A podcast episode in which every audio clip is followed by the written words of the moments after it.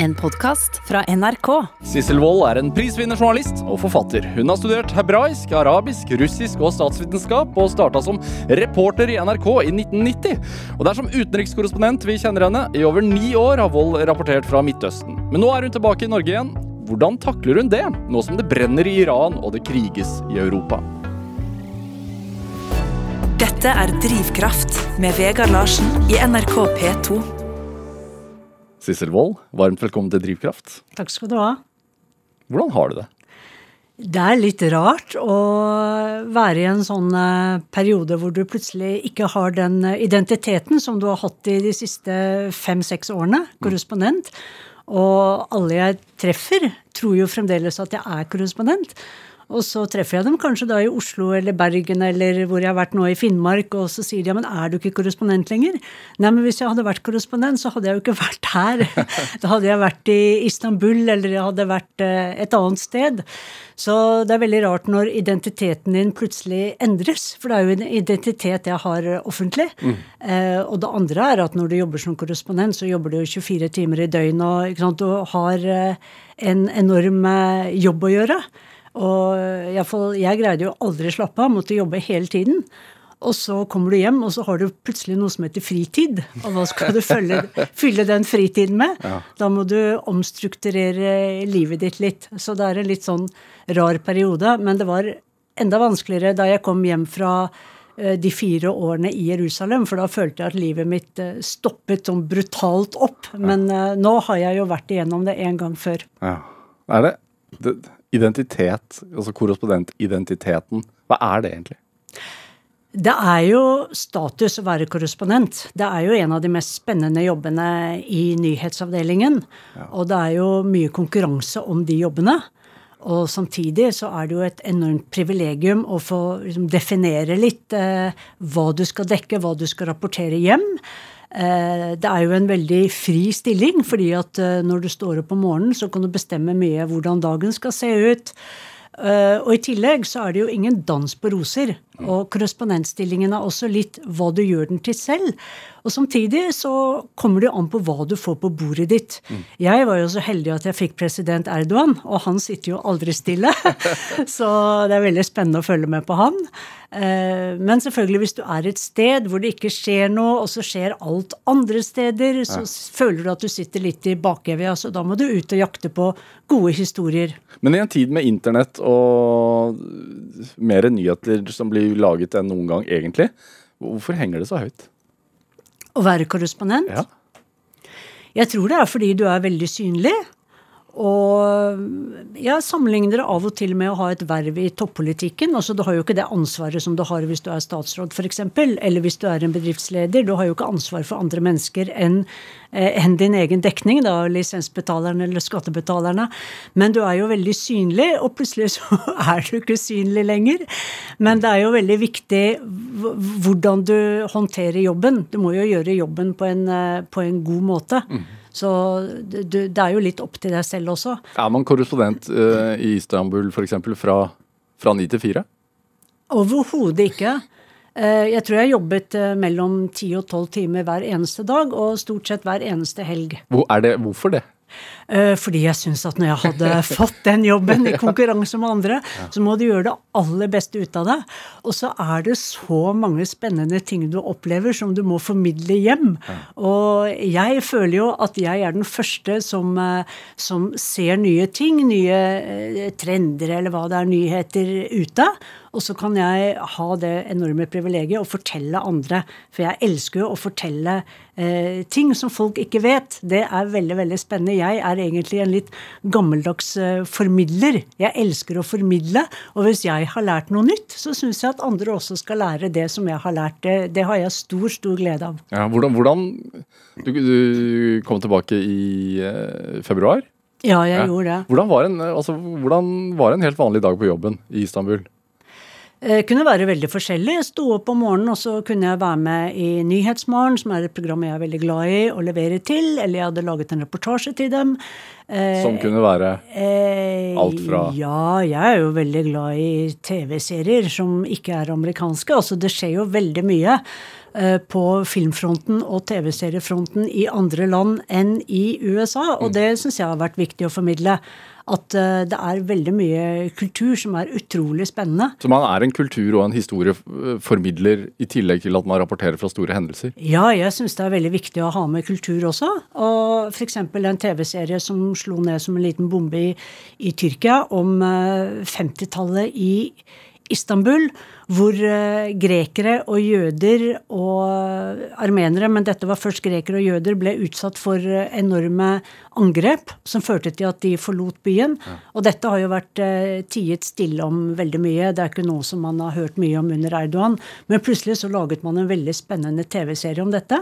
Og da dro jeg og intervjuet en en jøde fra Ismir, en tyrkisk jøde, som syntes at dette var liksom, stort. Og sånne ting syns jeg det er veldig viktig å formidle hjem. Ikke bare politikk, ikke bare det som skjer på den store politiske scenen. Hvorfor er det viktig? Eh, fordi du blir mer kjent med et land. Du blir mer kjent med historien til det landet, og hvorfor man eh, plutselig syns at dette er oppsiktsvekkende. Og det som er veldig viktig å huske på, det er at eh, den indeksen for pressefrihet eh, som Reporters Without Borders har, mm. der er Norge nummer én. Altså vi har et helt åpent samfunn, så åpent som det kan bli. Mens i Tyrkia eh, ligger jo langt ned på den listen, og et annet land som jeg er veldig opptatt av, Iran, ligger på 178. plass av 180 land. Og det er klart at da er det veldig stort at man lager TV-serier som behandler smertefulle mm. historiske hendelser som eh, tyrkere, altså etniske tyrkere, ikke liker å snakke om, eller som de rett og slett ikke vet om. Og, og siden vi også har den eh, pressefriheten vi har, så er det kanskje ekstra viktig at vi også har korrespondenter? da? Ja, det syns jeg absolutt. Og f.eks. i et land som Iran, hvor det er veldig, veldig vanskelig og tungt å jobbe. Ja. Så av og til så har jeg fått en del kritikk for det. Hvorfor gjør du ikke sånn? Hvorfor gjør du ikke sånn? Hvorfor går du med sjal? Men jeg syns jo alltid at det er viktigere å reise inn i et land enn å bare sitte og se på det utenfra og kritisere. Fordi med en gang du er inne i et land, selv om du har eh, hender bundet litt, så er det jo mye viktigere å følge med på hva som skjer der, se med egne øyne. Og sånn som jeg har fulgt med på Iran, ikke sant, motene. Eh, det iranske kleskodene for kvinner sier veldig mye om det politiske klimaet. Så jeg har alltid gått inn i klesbutikkene når jeg har vært i Teheran og andre byer, for å se eh, hvilke klesmoter går man for i år. Oi. Og det har jo blitt en kjempestor sak nå i Iran. Ja. Eh, selvfølgelig, ikke sant, for nå har det strammet inn veldig siden jeg var der i fjor sommer. Ja. Så, så kan begynne, altså, du kan se at det er et gryende opprør allerede i, i klesbutikkene? I fjor, da jeg var der i fjor sommer, så var det jo voldsomt lyse farger på klærne. Og egentlig så skal jo disse kvinnelige mantone, som det heter, og disse, eh, disse uniformene til kvinner, de skal være mørke, eh, gjerne svarte, og gå eh, godt eh, altså over kneet eller rett over kneet. Og plutselig så så jeg butikkene lyse grønn og gul og rosa, og det var til og med noen med, med mønster på. Og kvinnene Vi snakker om Nord-Teheran, hvor middelklassen og de utdannede der, kvinner gikk med mer hår synlig. Og så spurte jeg et par hvordan er det mulig at fargene er så lyse. Og nå er Ebrahim Raisi, presidenten, veldig veldig konservativ. Han har nettopp eh, blitt valgt, og de sier at vi må få puste. Vi må få puste. Vi orker ikke bare gå med svarte klær og, og dekke til håret vårt. Vi vil være som, eh, som, unge kvinner andre steder, kle oss med mer farger. Ja. Og så har han tydeligvis eh, strammet inn eh, voldsomt da, på kleskodene og dette hijab-politiet som reiser rundt og, og, slår kvinner eller snakker til de som ikke dekker håret godt nok eller kroppen godt nok. Jeg vil gjerne snakke mer om det, Sissel men, men, men også Rapporterte du om, om, det, da? Det du så i klesbutikken den gang? Ja, jeg laget en, eh, en sak, og kanskje en nettsak også. Eh, jeg tok iallfall bilder og brukte bildene. Ja. Hvordan bodde du i Istanbul? Å ja, NRK har en veldig veldig fin leilighet med utsikt til Bosporosstredet. Og er det noe jeg savner, så er det å følge med på trafikken gjennom Bosporosstredet. For av og til så kom det ubåter. Veldig fascinerende. Oi. Fordi at det kommer jo mange militære skip gjennom Bosporosstredet. Ja, ja. Så ved å passe på inngangen til Bosporosstredet, sånn som jeg gjorde fra balkongen der, så ser du litt av verdenssituasjonen. Fordi du ser at det plutselig kommer mange russiske skip inn. Eller det kommer, eh, det kommer mange skip ut. Plutselig kommer det et britisk skip inn. Og hva skal de i Svartehavet? Og det er eh, utrolig fascinerende. Og så er det jo en veldig, veldig vakker by. Så man er alltid påskrudd. Så selv om du sitter på balkongen i, i leiligheten din, så tenker du ah, hvorfor er det skipet på veien her? Ja, for hvis jeg skulle slappe av litt, da, så satt jeg og drakk kaffe på terrassen, og så dukker det plutselig opp et skip, og da går jeg på den appen som heter Maritime Navigator, eller hva det heter. Maritime Traffic. Og så får jeg vite med en gang hvilket skip det er, hvor det kommer fra, hvor mange tonn, eh, hvilken, eh, hva som er port of call, det er hvor det skal til, og hvor fort det går. Så Bill, Bill Gates' båt var jo i disse farvannene, og da fant jeg ut at hans båt var ved kysten, da. Så jeg tenkte kanskje den kommer til eh, Bosporos, men den gjorde ikke det. ja, hvordan finner du nyheter? Um, da jeg var eh, korrespondent, så var det jo veldig mye med å snakke med folk. Og den store forskjellen på, eh, i, på altså Jerusalem-kontoret og Istanbul-kontoret er jo at i Tyrkia så har de jo ikke noen fri presse. Så du er helt avhengig av å lese Twitter, følge folk på Twitter, eh, og gjerne da tyrkere som kanskje bor i utlandet. Og snakke med folk, høre hva de andre journalistene har vært ute på. Og, og bare som egentlig snakker veldig mye med folk. Høre hva de er opptatt av, hva har de fanget opp i avisene.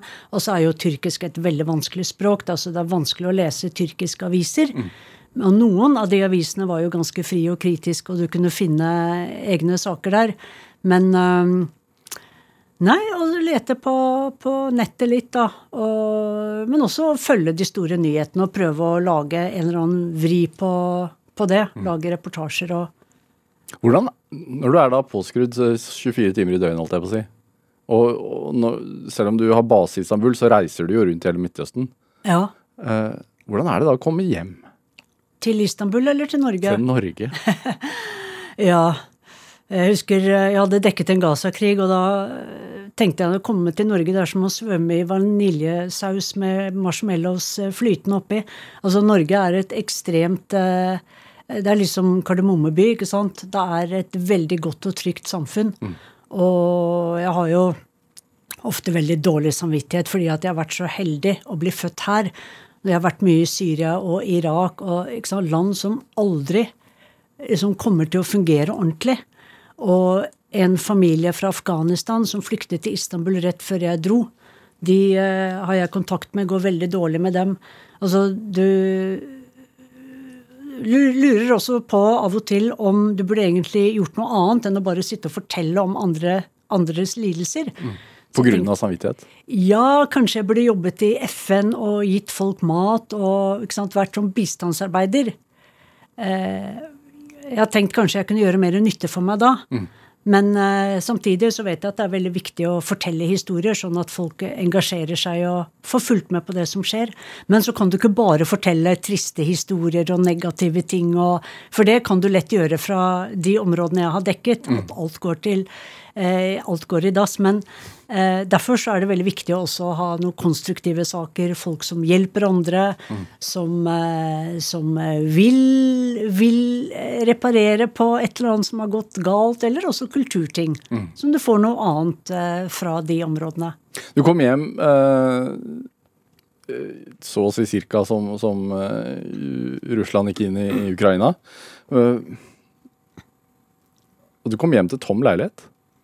Ja, for da, da jeg dro, så bodde jeg jo sammen med sønnen min Magnus og mannen min Ragnar. Og da jeg kom hjem, så hadde begge to flyttet. Ja.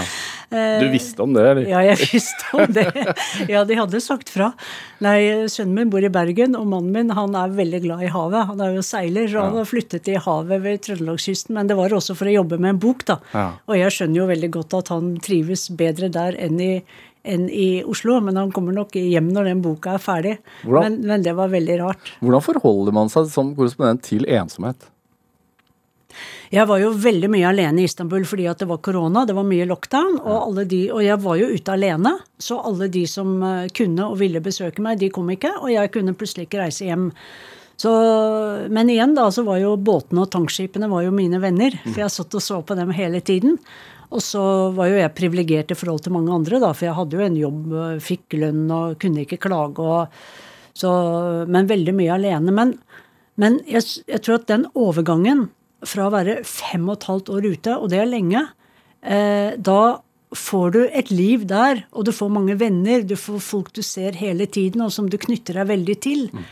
Jeg hadde jo en fantastisk tyrkisklærer, jeg hadde en fantastisk personlig trener. Det kan man jo ha i et land som er litt billigere enn Norge.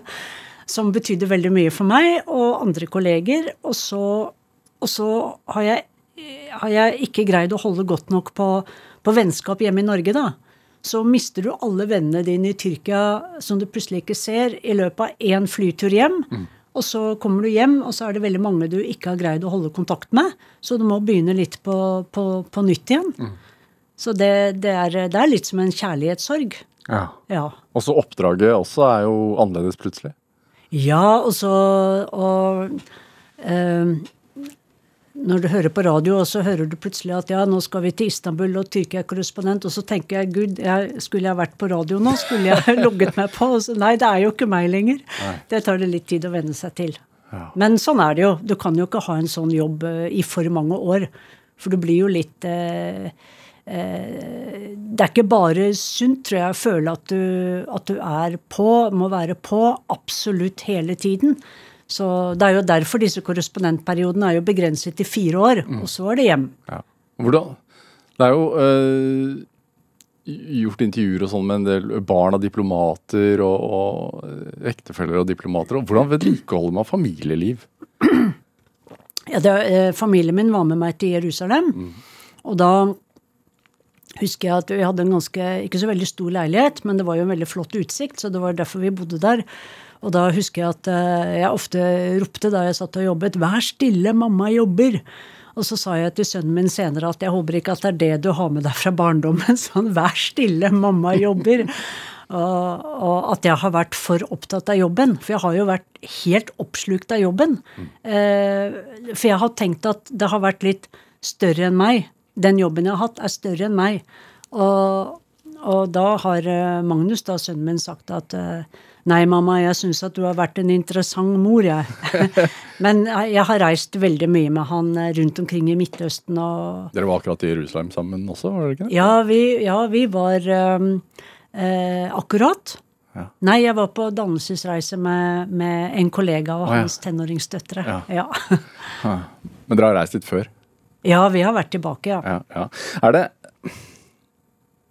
Det med trening, hvor viktig er, klar, altså, hvor viktig er det? Å trene? Ja.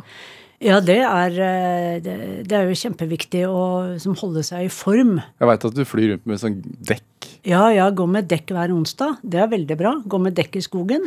Ja. Eh, sammen med en gruppe, da, ikke alene. Det syns jeg hadde vært litt flaut.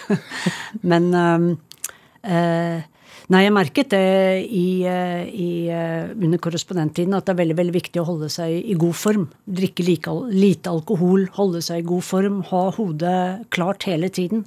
Det er veldig viktig. Mm. For å få tømt?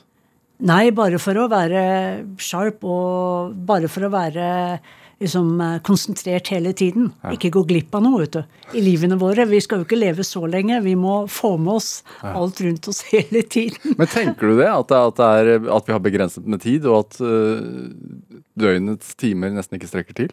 Eh, ja. Jeg skulle ønske at jeg var sånn som eh, noen er, at de bare trenger fire eller fem timer med søvn. Syns at det hadde vært fint. Så kunne man vært våken mer og fulgt med mer på nyhetene og jobbet mer. Fått mer ut av livet. Ja. Jeg syns livet går så vanvittig fort.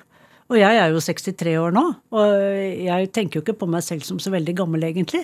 Men uh, du har fått dette livet, og da må du bruke det til noe, noe fornuftig. Mm. Altså ikke kaste bort tid. Og jeg, for eksempel, jeg hater sånne smalltalk-samtaler. Hvis jeg setter meg ned med noen, så må det være substans. Ikke snakke om tull. Mm. Hvorfor?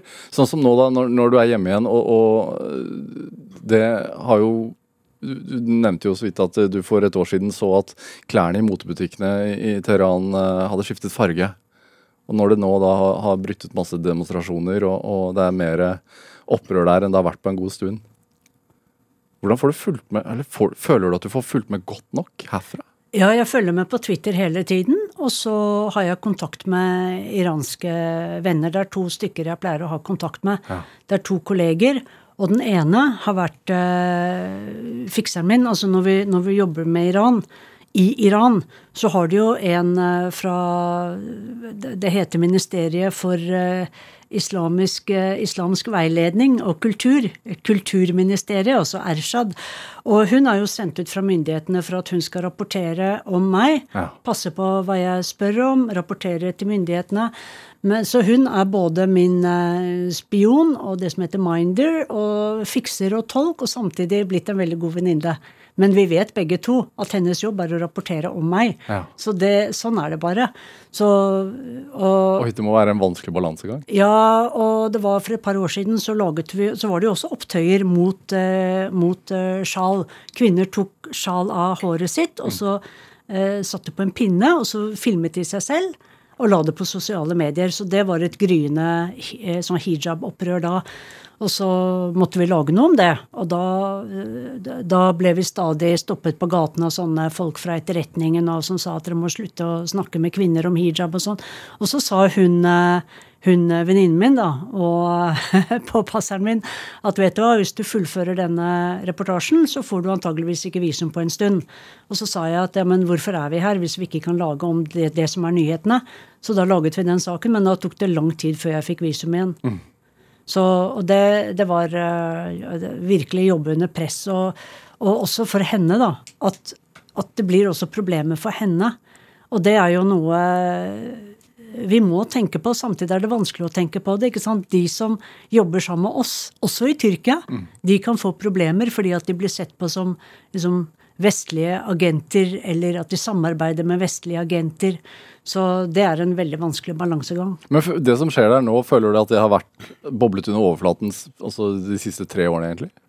Ja, da jeg var der i fjor sommer, så var jo folk drittlei av presteregimet. Drittlei av at de blir påtvunget til å gå med sjal og Og jeg spurte hun eh, tolken min da hvor mange ville kastet sjalene hvis det var frivillig, og hun mener at kanskje halvparten, kanskje 60-70% av kvinnene ville kaste sjalet hvis de fikk velge. velge. For det er jo mange som er konservative som går med sjal. Men det er klart eh, For meg, ikke sant, jeg var med i en Urix-sending hvor vi disku, skulle diskutere disse protestene mot sjal. Og at kvinner selv må få velge. Og så var jeg på skjermen med sjal. Men eh, og det føles jo litt merkelig. Men uh, igjen, alle må gå med sjal i Iran sånn som det har vært til nå. Også jøder og armenere. Det er jo mange iranske minoriteter. De må jo også gå med sjal. Så da går man med sjal for å få rapportert, for å få nyheter, rett og slett? Ja, fordi hvis jeg er den eneste uten sjal, så blir jeg jo arrestert eller ført bort eller blir tilsnakket ganske klart. Ja. Så sånn er det. Det er jo, eh, Opprøret starta nå etter at eh, 22 år gamle Masa Amini ble først ble arrestert av moral moralpolitiet for at hun gikk, ikke gikk med sjal, eller gikk hun Nei, det hun med på viste en for mye hår. Hun hadde sjalet litt sånn, for Ja. det du ser når folk er mer liberale eller vil protestere, er at sjalet glir lenger og lenger bak på hodet. Ja, Mer som et skaut, da. Ja. Ja. Ja, det er som det er som et skaut, så det er jo ikke sånn stram hijab som ikke sant, eh, arabiske kvinner bruker. Dette er den iranske varianten. Og Iran, iranske kvinner har flere varianter av hvordan de dekker håret. Men de som kaster eh, sjalet nå, de går med sjal, ikke sånn stram hijab. Og så ble hun arrestert av moralpolitiet. Ja. Har du sett moralpolitiet i, Ja, i aksjon? mange ganger. Ja, ja. ja, altså i aksjon. Jeg har sett disse bilene deres. Det er hvite biler med grønn stripe på. Og de sirkulerer særlig i Nord-Teheran, der hvor de utdannede og liksom middelklassen bor. da. De mest religiøse, de bor sør i byen. Og ser etter usømmelig oppførsel. Ja, de passer på, da. Ser. ja. Det er ganske ubehagelig. Ja, det forstår jeg. Ja. Men samtidig, når jeg har vært i Iran, så har jeg prøvd å gjøre det beste ut av det. Da. Fordi man trenger jo ikke Altså, gå med sjal som passer i fargene til klærne, og du må jo liksom gjøre det beste ut av det. Føler man på den overvåkningen hele tiden? Ja. Eh, absolutt. Og det har variert litt fra gang til gang etter hvem som har styrt i landet. Jeg har jo vært der eh, i åtte ganger, tror jeg. Første gang 2007. Og noen ganger så under Hassan Rouhani, forrige presidenten, som var mer moderat, så, så følte du kanskje at man kunne puste litt mer. Men eh, jeg kommer aldri til å forstå det iranske regimet, fordi revolusjonsgarden og utenriksministeriet jobber mot hverandre, tror jeg, for du får veldig forskjellige beskjeder. Skal du få visum, skal du ikke få visum? Sist var det et mareritt. Hadde jeg fått visum, hadde jeg ikke fått visum? Det var ja og nei om hverandre. Så det er eh, et veldig veldig merkelig regime mm. å forholde seg til. Veldig vanskelig. Hm. Det brant i helgen også? I Evin-fengselet, ja. ja. ja. Dette, dette, er ikke et vanlig fengsel?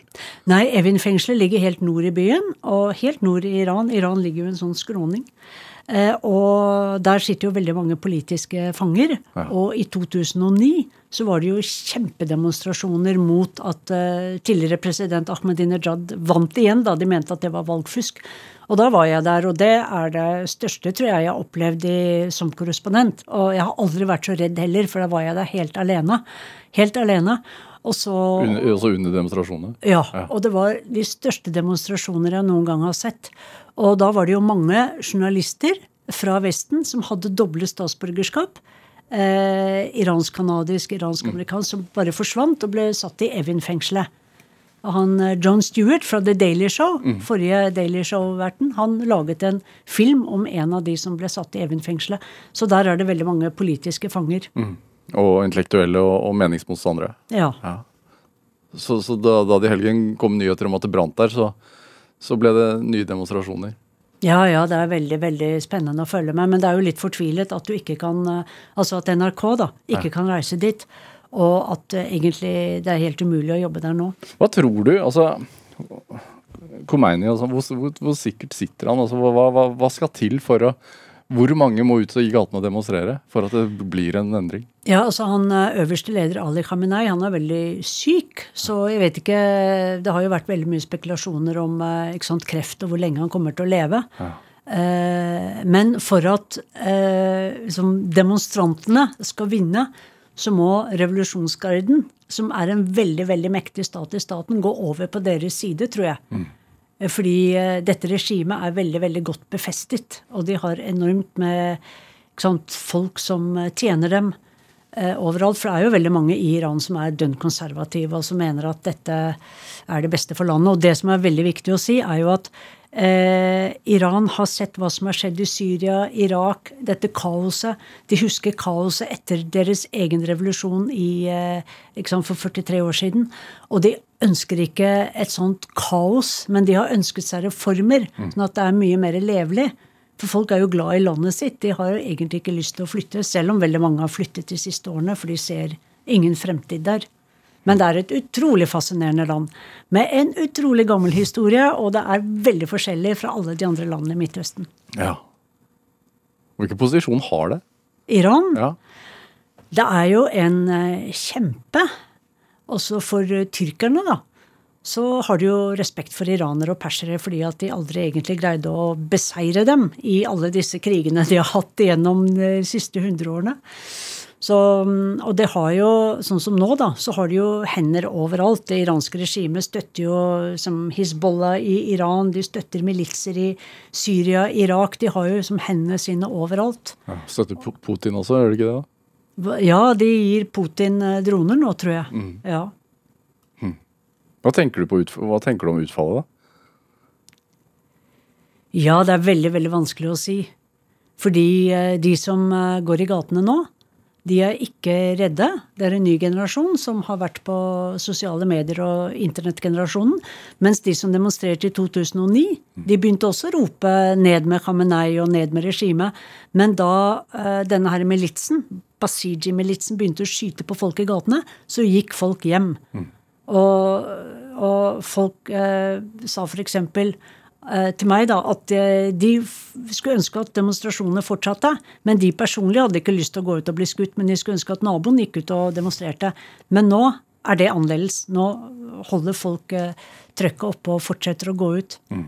Men det er veldig vanskelig å se hva utfallet vil bli. Om det blir slått hardt ned på eller, eller om det dør ut etter hvert, det er veldig vanskelig å si. Ja, Så vet man jo lite, man får jo lite faktisk informasjon også. Ja, for altfor lite informasjon, for det er helt håpløst for utenlandske pressefolk å jobbe der nå. Ja, og EU kommer vel med nye sanksjoner i dag, Ja, men hvor mange sanksjoner er det Iran har mot seg, da? Liksom, Hva skal det hjelpe? så det har ikke noe å si. Nei, det tror jeg ikke. Nei. Sissel Wold, vi skal spille litt musikk. Du har med en, en låt som heter 'Gabriellas Song'. Eh, hva, hva er dette her?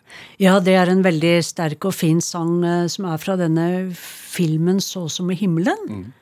Eh, og jeg husker den eh, spesielt godt fordi at den ble spilt i begravelsen til eh, Karina Appel, som var en fotograf, eh, kvinnelig fotograf fra Finland som jeg har jobbet med veldig veldig tett i de fire årene jeg var i Jerusalem.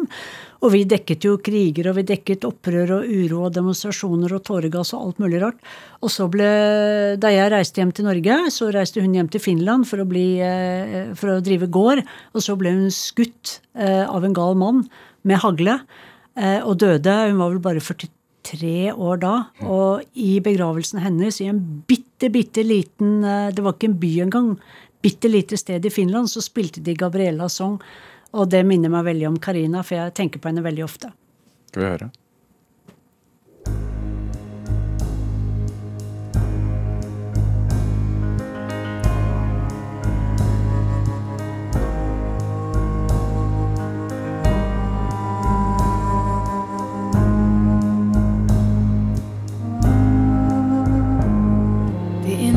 Som livet er mitt. Jeg har fått en stund her på jorden og min lengtan har ført meg hit. Det jeg saknat og det jeg fått Det är vegen jeg har hått min förtröstan långt bortom orden som har visat en liten bit av den himmel jag aldrig nått. Jag vill känna att jag lever all den tid jag har Ska jag leva som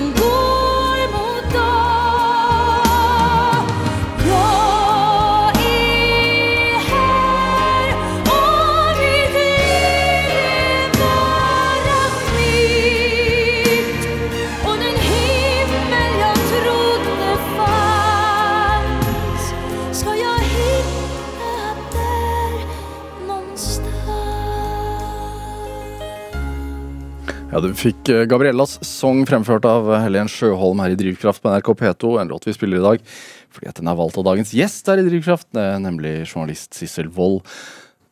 Jeg vil kjenne at jeg lever, synger hun. Har det vært viktig for deg? Å føle at du er At du, er, at du lever 100 Eh, ja, absolutt. Man må ikke kaste bort noe tid. Man må gjøre noe hele tiden. Og det er Hvor kommer det fra, tror du? Jeg vet ikke. Det er jo en sånn voldsom eh, drivkraft, da. At du alltid må holde på med noe. og drive med noe og skape noe. Og eh, bruke livet best mulig. Og, Også, og det å formidle, da, fortelle historier, det er veldig viktig. Og, og så folk kan eh, lære noe nytt. Du reiste mye allerede som barn? Ja, fordi familien min flyttet mye. Ja. Så vi bodde i, i Skottland, da var jeg veldig liten, og så bodde vi i Sverige. Og så bodde vi i USA, eh, fordi faren min eh, var forsker. Så det var grunnen til at vi flyttet mye. Hva forsket han på? Eh, farmasi. Han er, var professor i farmasi. så han var på Massachusetts General Hospital i Boston, så vi bodde der. Det var under Watergate-innbruddet. Jeg kobler alle hendelser til en eller annen politisk hendelse. Var det et sted som var hjemme? Eh, USA? Nei, for deg? Hva, altså, hadde du et sted som du tenkte at der er hjemme? Eh, nei, vi har flyttet veldig mye i Norge også. Ja. Så jeg vet ikke om jeg har noe sted som er hjemme. Jeg har alltid misunt de som har venner, eller som har hadde venner da, liksom hele livet. Fordi at jeg har flyttet og flyttet og flyttet. Så først eh, da vi flyttet, eh, vi flyttet til pappas barndomshjem eh, på, på Vinneren Slemdal, da, da, det var på en måte hjemme, for der hadde farmor og bestefar bodd. Men da begynte jo jeg å flytte selv, da. Da flyttet jeg til Israel som ung. Og så har jeg bare flyttet og flyttet. Hva, hvem, hvem var du som barn? Eh, jeg var veldig opptatt av eh, nyheter allerede som barn. Hvorfor, Også, hvorfor det? Altså, hvor tidlig? Ja, jeg husker eh, drapet på Robert Kennedy. Det er noe av det tidligste jeg husker. Og det var i 1968, så da var vel jeg Hvor gammel var jeg da? Jeg var født i 59. Over ni år, da. Det husker jeg at det leste jeg veldig mye om i avisen og lurte på liksom, Men jeg husker ikke JFK, altså. Da var jeg bare fire år. Ja. Det var i 63 eller 62. Ja, jeg var iallfall veldig liten. Det husker jeg ikke. Hæ. Men, men sånn ellers? Altså, Som var- barn? Ja. Um, jeg, jeg har noen minner om at um, jeg syns det var uh, skummelt å lese engelsk høyt i klasserommet fordi at uh, jeg flyttet uh, så ofte og ja, For da må man jo hele tiden få seg nye venner og Ja, hele tiden få nye venner. sette seg inn i andre Ja, måter måter å være på. Ja, ja. Jeg var litt misunnelig på de som hadde liksom gått samme sted veldig lenge. Og tenkte jeg ikke skulle utsette sønnen min for det, men nå har vi jo flyttet mye med han også. Men eh, jeg vet ikke, jeg. Det er sånn livet blir. Var du- Som, ja. Ja. Var du overtroisk allerede som barn? Eh, nei, det har jeg blitt senere. Farmoren min var overtroisk, men eh, ikke jeg. Eh, men jeg tror at det er eh, viktig å ha en høyere himmel et eller annet sted. For jeg tror hvis vi Vi er jo veldig sekulære i Norge. Og hvis vi ikke har noe ekstra, så blir livet veldig ja, både monotont og litt, eh, litt fargeløst, tenker jeg, hvis du ikke har noe å tro på. Det høres sikkert rart ut, men altså, hvis du bor mange år i Jerusalem, så blir du preget av det. For der er du omgitt av religion og, og tro på høyere makter hele tiden, på godt og vondt. Hva tror du på, da? Eh, eh, altså, jeg tror jo på at man skal være liksom et godt menneske. At eh, du får det mye bedre hvis du er et godt menneske mot andre, og andre får det bedre. Det tror jeg er veldig viktig, å være snill. Eh, som han Robin Williams sa. Be kind always. Men eh, eh, når du har jobbet i f.eks. Eh, områder hvor det er mye fare, så er det veldig viktig å ha fravær av uflaks. Og jeg går alltid med sånn blått øye, vet du. Det begynte jeg med i Istanbul. Et sånt lite blått øye. Ja, det skal beskytte mot det onde øyet. Ja, Et smykke du har rundt halsen? Ja, rett og slett. mot det skal beskytte mot det onde øyet og all slags uflaks. Men jeg fant ut at så lenge jeg gikk med det, så fikk jeg ikke korona før jeg kom til Norge. Da, da, fikk, da virket det ikke lenger. Da fikk jeg korona.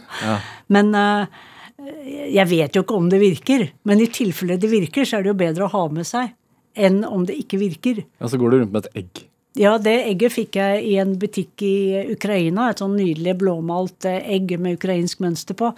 Og de sa at eh, dette må du ha med deg. Og jeg tenkte at hvis ukrainere tror på dette egget For jeg er veldig imponert over ukrainerne. Jeg var veldig imponert over dem da jeg var, jeg var der nesten to uker i sommer. Så jeg tenkte at i, i tilfelle det hjelper, så er det greit å ha det med seg. Det er bedre å ha det enn å ikke ha det, tenker jeg. Fordi at, eh, at, hvis du er i veldig eh, risikosoner, så er det bedre å ha med seg sånne ting enn å ikke ha det, i tilfelle det virker. Og fravær av uflaks er jo veldig, veldig viktig. Men du må jo ha et godt team rundt deg, og du må jo passe på selv også. Hvordan klarer man å ikke være redd? Eh, jeg har tenkt at eh, hvis du går rundt og er redd, så får du ikke gjort jobben din. Og det er eh, Er det forutbestemt når man skal dø? Det vet man ikke, eller noe, hva som skal skje med deg. Men det viktigste er å, å, selvfølgelig være veldig veldig forberedt hvis du er i områder hvor du kan ha uflaks, eller hvor ting kan skje og ha gode folk rundt deg, men også å være også Veldig viktig å kunne sant, koder. Eh, koder, kle deg riktig. Jeg har disse tre c-ene. Clothes, conduct og eh, hva er det siste for noe? Altså at du må Culture. Mm. At du må kunne kulturen. der kommer du veldig, veldig langt med. Studerer du det på forhånd, da? Eh, første gangen jeg skulle til Iran, så snakket jeg med en som heter eh, Vigdi, som jobber i UD, som hadde vært stasjonert der, som ga meg masse råd når det gjaldt kleskoder, selvfølgelig. Det var jo kjempeviktig. Og det er viktig å forberede seg. Ja. Ta det på alvor. Det med, det med, oppveksten, at det flyttet mye og sånne ting Du bodde jo i USA en periode. Du, men korrespondent fra USA har ikke vært høyt opp på lista? Nei, det har aldri interessert meg. Nei, hvorfor aldri. ikke? Nei, overhodet ikke. Jeg vet ikke, jeg syns at det er et veldig rart samfunn. Ja. I motsetning til de andre du har rapportert fra? Ja, så tror jeg det er mer interessant eh, Altså Midtøsten er jo veldig interessant, har en mye lengre historie, og det er kanskje mer historier å fortelle derfra. Ja. Og så er det så mange som vil være korrespondent i USA, så trenger de ikke å konkurrere med andre. Ja. Men var det opplevelsene dine den gang som gjorde det, hadde, hadde, ført til dette her, tenker du? Nei, jeg har alltid vært interessert i amerikansk politikk. Ja. Eh, nå er jo det landet i hva skal man si for noe, indre kaos. Men jeg har alltid vært veldig opptatt av, eh, av hvem som er president, presidentvalgkamper. Alltid fulgt nøye med, men jeg har aldri hatt noe ønske om å, å bo der igjen eller være der eller Jeg vet ikke, jeg kjenner meg ikke jeg syns det har vært morsommere med Altså gjennom språk, da, så mm. lærer du mye om kulturer. Og andre land som har vært mye mer interessante, sånn som Israel, som er et utrolig fascinerende land. Jeg sa jo i introen eh, til denne timen her at du har studert eh, hebraisk. Men du har jo ikke studert hebraisk Nei, på universitetet? Nei, jeg har bare lært av meg selv. Ja. ja. Nå var det Tenkte du det allerede i tenårene? At ja, hebraisk, det vil jeg lære? Eh, jeg tenkte jo i tenårene at jeg måtte reise til Israel, fordi at det var et veldig interessant land. Ja. Og at det var Jo, altså dette var jo på slutten av 70-tallet, og da tenkte jeg at det var liksom ikke noen store politiske kamper å kjempe for i Norge. Mens israelerne de hadde en sak å kjempe for. Og da hadde jo jeg aldri møtt noen palestinere i hele mitt liv, så jeg hadde jo veldig ensidig forhold til denne konflikten i mange, mange år. Men jeg tenkte at jeg må reise til Israel, jeg må reise på kibbutz. Det er sånn kollektiv, jordbrukskollektiv. Og, og der ble jeg satt til å melke kyr. Hvor, hvor gammel var du da? Eh, da var jeg 19 år. Og så fordi at jeg er veldig nysgjerrig om å vite hva som foregår rundt meg. Ja. Det er veldig viktig å liksom, vite hva som blir sagt rundt deg. Tenkte jeg må bare begynne med hebraisk, da. Men jeg lærte jo først det som sto på melkekartongene, og så lærte jeg fra reklamer jeg hørte på radio, og så lærte jeg sanger jeg hørte på radio. Og så lærte jeg bokstavene gjennom eh, eh, melkelisten, da, listen over hvem som skulle melke kyr om morgenen, eh, ettermiddag og kveld. Vi hadde vi hadde sånn skiftarbeid, da. Så da så jeg mitt eget navn, og så lærte jeg bokstavene sånn at jeg kunne lese de andre også. Så det er selvlært. Men ja. altså, ordforrådet var jo veldig, veldig begrenset. Hvordan var det? Kibbutz, er det det det heter? Det det du... Kibbutz, ja. Kibbutz. Hvordan, ja, ja. hvordan, altså 19 år gammel?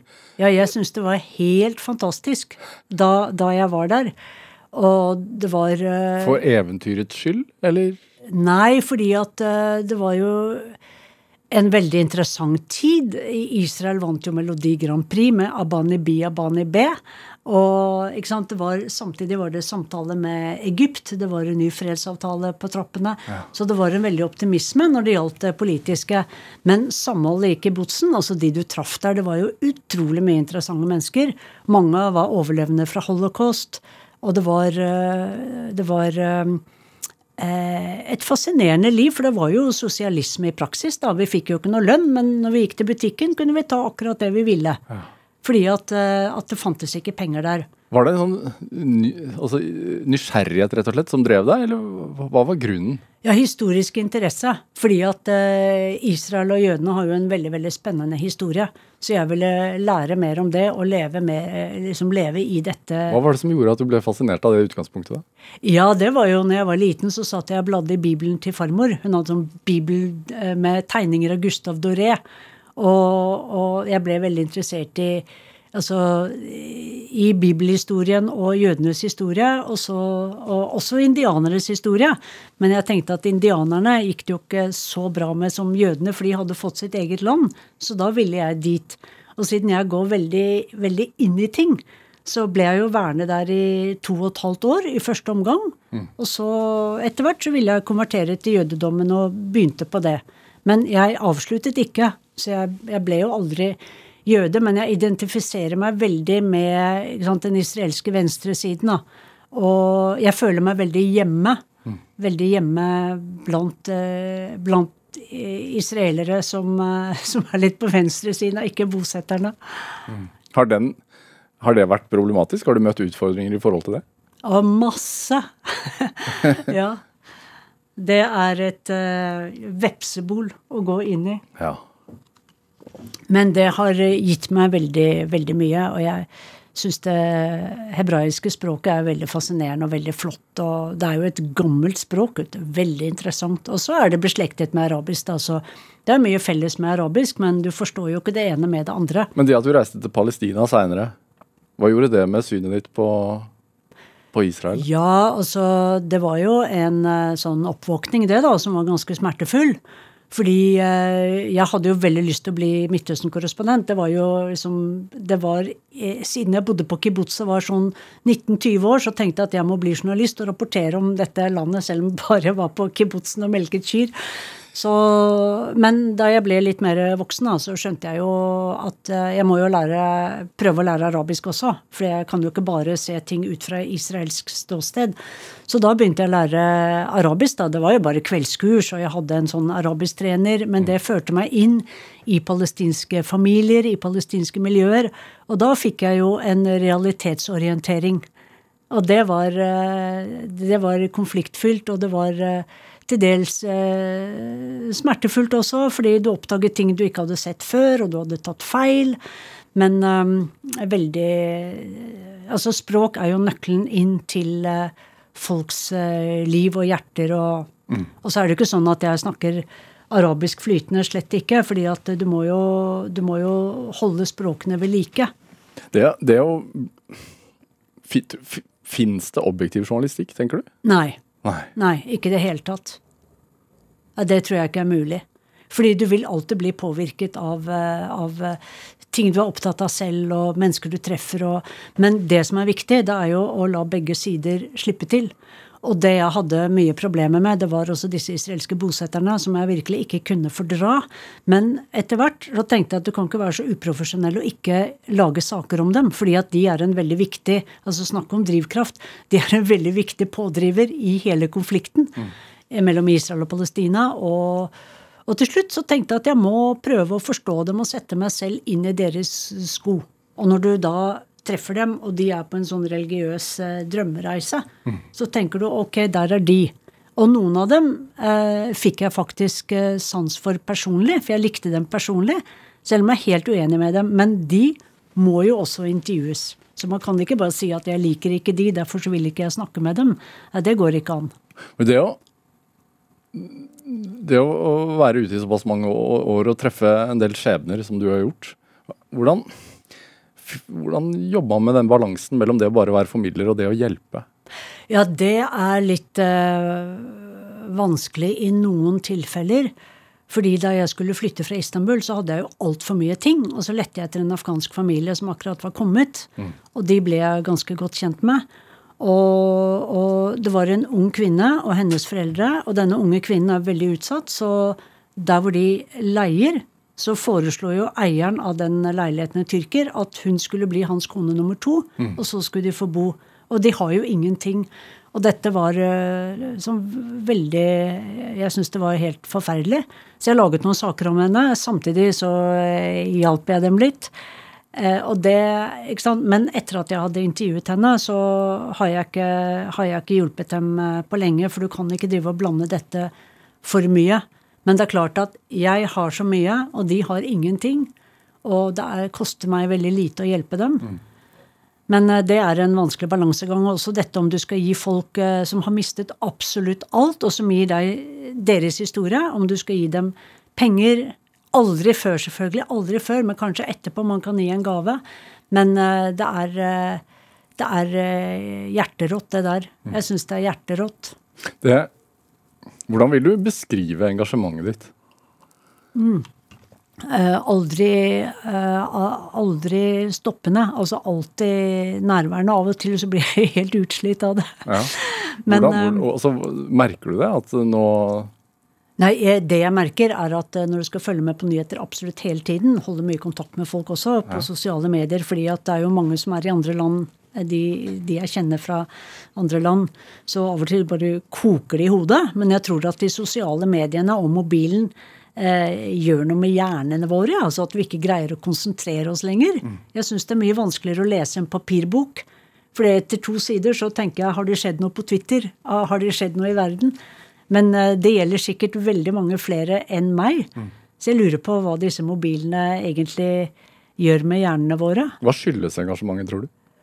Eh, det er jo veldig viktig å holde seg på høyden eh, faglig. At du følger med på ting og vet ting. Eh, men så er det også det er veldig veldig viktig jobb å formidle det som skjer, på en god måte, sånn at folk er interessert i utenriks. At de er interessert i det som skjer utenfor vår egen lille andedam. At de engasjerer seg. Men det er jo personlig for deg? Ja, det er det. For jeg, jeg, når jeg ser at eh, f.eks. tyrkerne hvis du, skal, eh, hvis du skal forstå tyrkerne, så må du forstå at de er fra en tidligere stormakt, Det osmanske riket.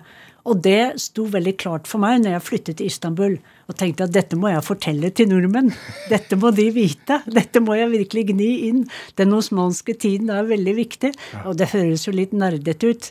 For jeg er jo en nerd, men det er jo utrolig viktig. Og hvis eh, liksom, Når folk skjønner det, da, så skjønner de mye mer Erdogan. For Erdogan har jo store store visjoner. Vet Han vil være ny sultan. Og da må du forstå tyrkernes historie som eh, stormakt. Eh, I flere hundre år var de stormaktsfolk. Men er du sånn monoman? Altså at du går Ja, dessverre. ja. Men hvordan kan det arte seg? Altså sånn uh, At jeg snakker fort, kanskje. Og, men altså, jeg greier å, å, å, lytte. Jeg vet at vi har to ører. For det er jo veldig viktig å lytte. Ja, Hvordan er det å være vennen din? Ja, det Jeg har ikke så veldig mange venner, men jeg har veldig Dessverre. Jeg har mistet mange fordi jeg har vært ute så lenge. Men, eh, men eh, jeg har jo enormt mange bekjente. Enormt mange kolleger. Så, og, og, fordi at, eh, at, folk kjenner meg fra, som korrespondent og som kjenner meg da som NRK-profil, så kan jeg bare vandre inn i et eller annet selskap hvor jeg ikke kjenner et menneske. Mm. Og så kommer jeg alltid i kontakt med noen. Og så prøver jeg å finne ut hvem er de, hvilken historie har de, og det er eh, masse å kartlegge. Er det menneskene du er interessert i? Ja, menneskene. Og deres historie og deres synspunkter. Ja. Hva får du ut av det, da? Jeg får vite ting. jeg får vite ting og lære ting. Ja, ja lære ting. Sissel Wold, er du optimist eller pessimist? Jeg prøver alltid å være optimist, men sånn som verden ser ut i dag, så er det jo litt eh, Det er jo preget av tungsinn, da. Og jeg vet ikke om demokratiet som er det som kommer til å overleve. Jeg håper det, at demokratiene overlever i uh, i Europa. Men uh, du ser jo hvilke krefter som vinner frem, da. At det er uh, veldig mange som auto, auto, autoritære ledere som uh, vinner frem. Dette er et stort, stort tema, men Demokratiet må man virkelig verne om. Nå høres jeg ut som en politiker, men eh, jeg har sett i Tyrkia, de fem årene jeg har bodd i Tyrkia, hvordan det gikk fra virkelig et, mye, mye mer autoritært og, og samfunn uten pressefrihet. Mm. Mm. Så det kan skje fort. Ja. Jeg tror ikke at det kommer til å skje i Norge, men, men um, Nei, jeg vet ikke om det gode styrer i verden. Det vet jeg ikke. Når er du mest lykkelig, da? Det er når jeg går på ski. Ja, da er jeg veldig lykkelig. Ja, Hvorfor det? Og det er så rent og fint å se den hvite snøen, og så, og så bare glir skiene, og det er en uh, fantastisk uh, glede å gå på ski. Det syns jeg er helt fantastisk. Komme på kikkuttstua, få toddy. Ja. ja. Fjernt fra alle konfliktene ja, det er det. Ja. ja. Det er viktig å skru av. Sissel Wold, hva tenker du er drivkraften din? Eh, det, det er å, å, å, formidle og bruke evnene sine best mulig. Og Bruke kunnskapen best mulig til å gi folk bakgrunn og liksom forklare sammenhenger. Ja. Prøve å forklare hvorfor ting skjer et sted. Og det tror jeg eh, Det har jeg stor, stor glede av. Og, og, som jeg håper, da, at folk skal bli klokere etter at eh, de har hørt et innslag, eller jeg har hørt at eh, jeg har prøvd å forklare noe. Hvis folk tenker at er det sånn det er, så er jo det helt fantastisk. Det er jo en helt fantastisk opplevelse, det. Og jeg opplever jo det at eh, folk kommer bort og sier at, at når du snakker på radioen, så hører vi på, for da, da, da, forstår, vi, da forstår vi mer. Og det er verdt å, å, å, jobbe hardt for og leve for. Det er store øyeblikk for meg. Sissel Wold, tusen takk for at du kom hit til Drivkraft. Hør flere samtaler i Drivkraft eh, på nrk.no eller i appen NRK Radio. Send oss gjerne ris eh, eller ros, eh, og også gjerne tips til mennesker som du mener har drivkraft. Send den e-posten til drivkraftkrøllalfa.nrk.no. Vi hører veldig, veldig gjerne fra deg. Alle tips blir skrevet ned og, og mottatt, og så får du en e-post etterpå også. Produsent og researcher her i dag, det var Camilla Bolling Mjøl. Jeg heter Vega Larsen. Vi høres.